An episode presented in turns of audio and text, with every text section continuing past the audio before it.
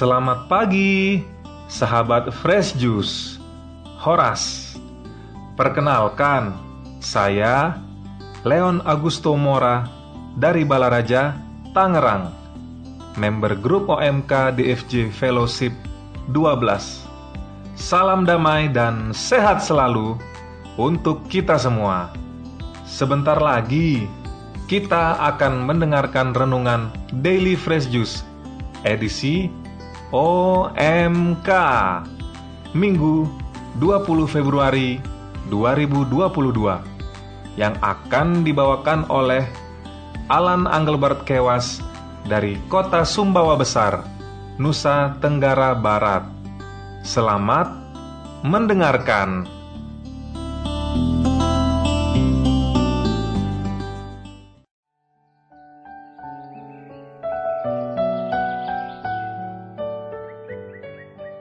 Shalom, salam sukacita.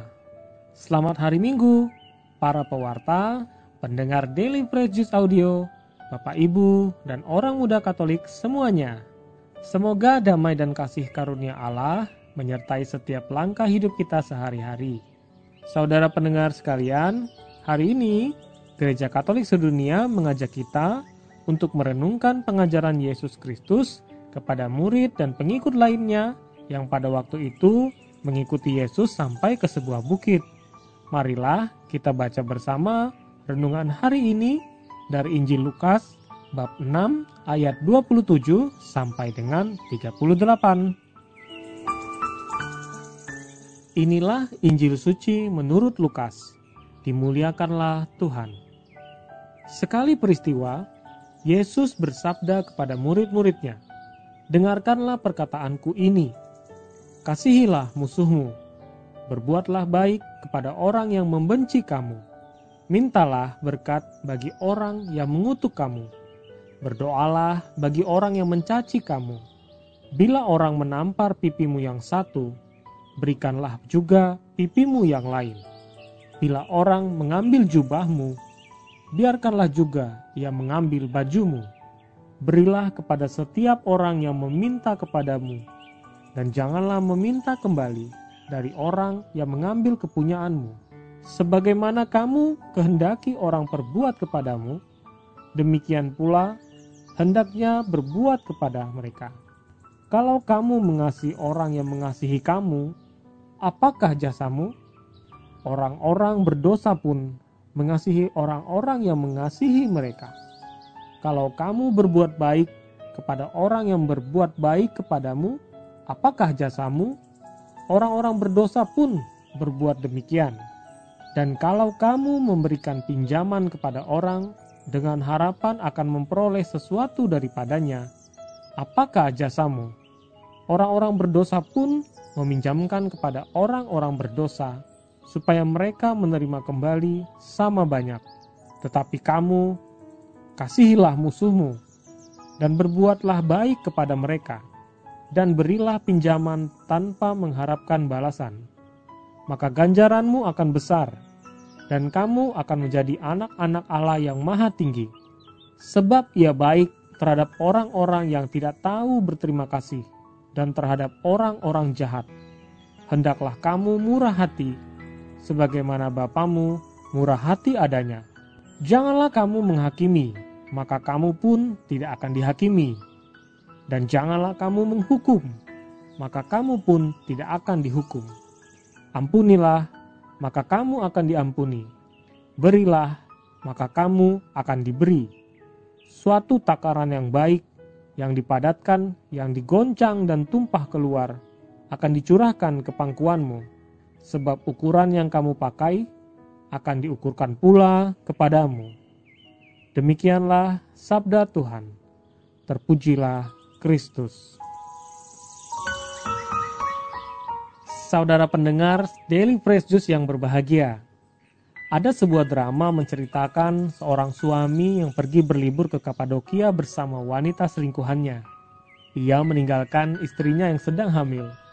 Istrinya tersebut marah dan merasa sakit hati karena dikhianati oleh suaminya. Ada pula kisah seorang pria, seorang karyawan yang selalu dibully dilecehkan oleh teman-teman bahkan atasannya di kantor, hingga akhirnya pria ini mengalami gangguan depresi. Kisah lainnya, seorang meminjamkan uang kepada sahabat karibnya, namun ketika dia menagihnya, temannya ini justru berbalik marah kepadanya hingga akhirnya hubungan persahabatan mereka menjadi permusuhan. Saudara pendengar Fresh Juice, apakah saudara juga pernah mengalami sakit hati, dilecehkan, dicaci maki, yang awalnya berteman kini menjadi lawan? Apakah saudara pernah merasakan kebencian oleh karena perbuatan orang lain kepada saudara? Apa yang saudara lakukan dengan rasa kebencian tersebut? Apakah saudara ingin sekali membalas dendam kepada orang tersebut? Pertanyaan ini cukup dijawab di dalam hati ya. Pada minggu pekan ketujuh ini, Yesus memberikan sebuah pengajaran yang bagi kita merupakan sesuatu yang anti mainstream, lain dari biasanya. Sulit diterima akal kita, apalagi bagi orang-orang Israel pada zaman itu. Kita pasti pernah mendengar istilah mata ganti mata, gigi ganti gigi. Ya, Ketika kita disakiti, pasti ada sebuah respon yang muncul secara otomatis dari diri kita. Kita ingin membalas. Ada aksi, maka ada reaksi.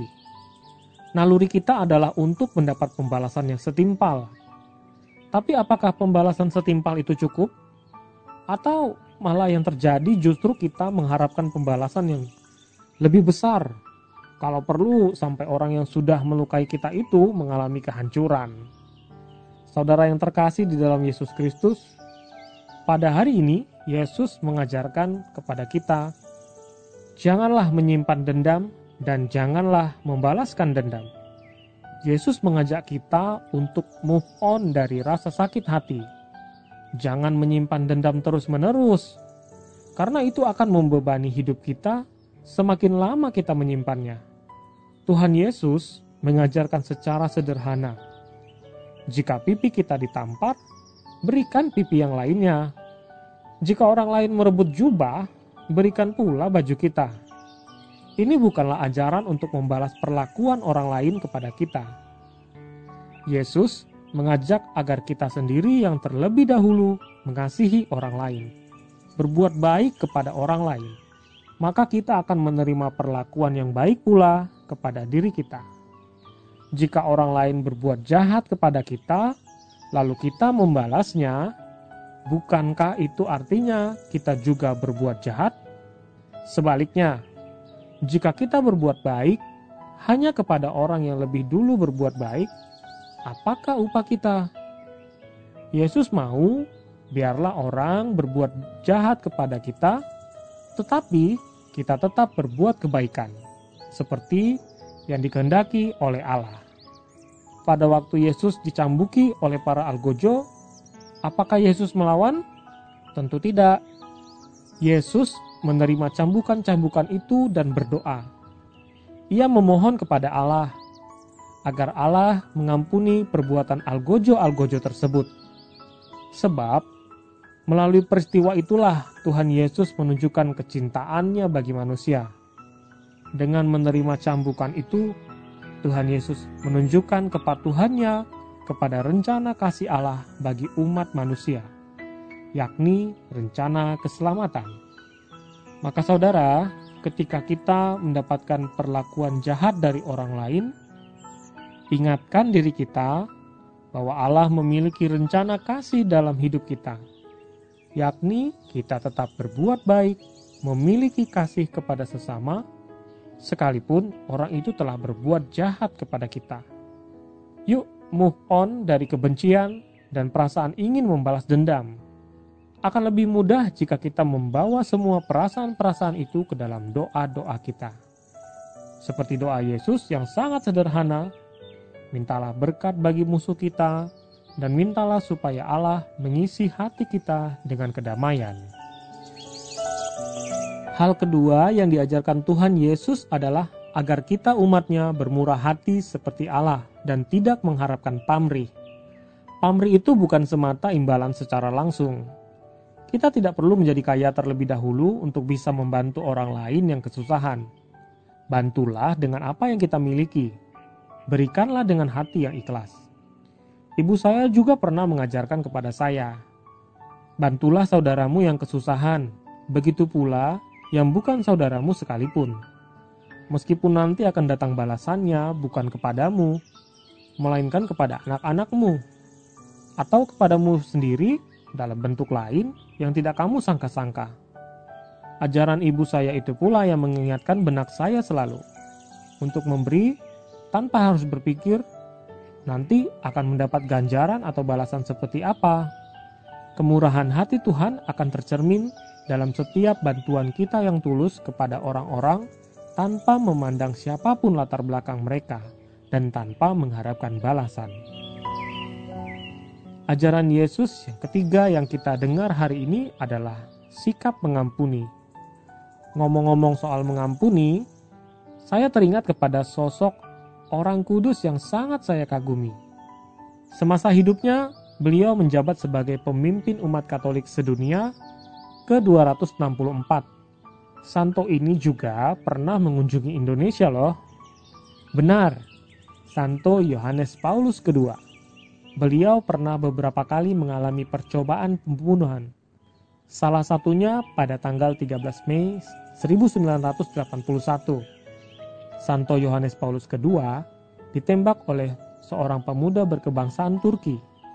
Setelah sembuh dari penembakan tersebut, Santo Yohanes Paulus II mengunjungi pelaku penembakan di penjara pada tanggal 27 Desember 1983 dan beliau menyampaikan kata-kata ini kepada orang yang mencoba membunuhnya.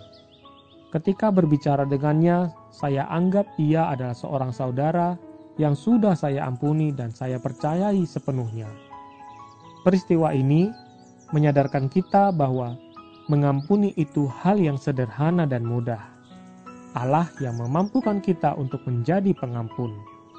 Saudara pendengar Fresh Juice, karena Allah sudah terlebih dahulu mengampuni dosa-dosa kita, maka hendaklah kita juga mengampuni. Karena Allah terlebih dahulu tidak menghukum kita akibat dosa, maka kita pun hendaknya tidak menghakimi sesama kita. Seperti di awal renungan tadi, saya menanyakan kepada saudara, apakah saudara ingin membalas dendam kepada orang yang telah melukai atau berbuat jahat kepada saudara?